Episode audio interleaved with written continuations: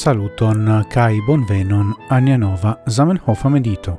Cinocte mi legos por vi kai kun meditos kun vi sur el tiro.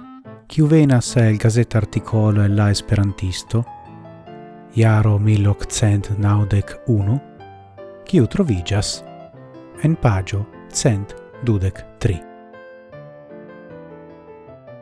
Vane quelcae amicoi attendas, che la riciuloi au la gravae personoi cae societoi au registaroi al ni helpu.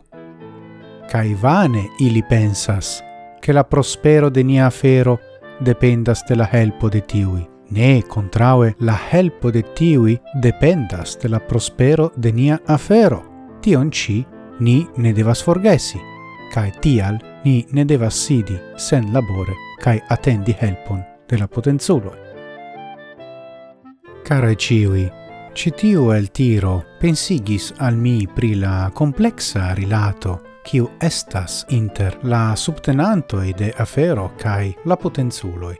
Frapis min la aliro de Zamenhof al tiu rilato, char mult foie oni plendas che la potenzuloi ne comprenas nin malgrau la facto che ni estas la justai, pravai, just opiniai, merilate alla ferumem. Giuste pro tio mi volis substreci tiun interchangion de posizio inter causo cae effico. Do, la prospero de afero dependas de la subtenantoi, cae la potenzulo elvenos nur poste, char ili desiras pruvoin evidenta in factoin antau ol investi en aferon.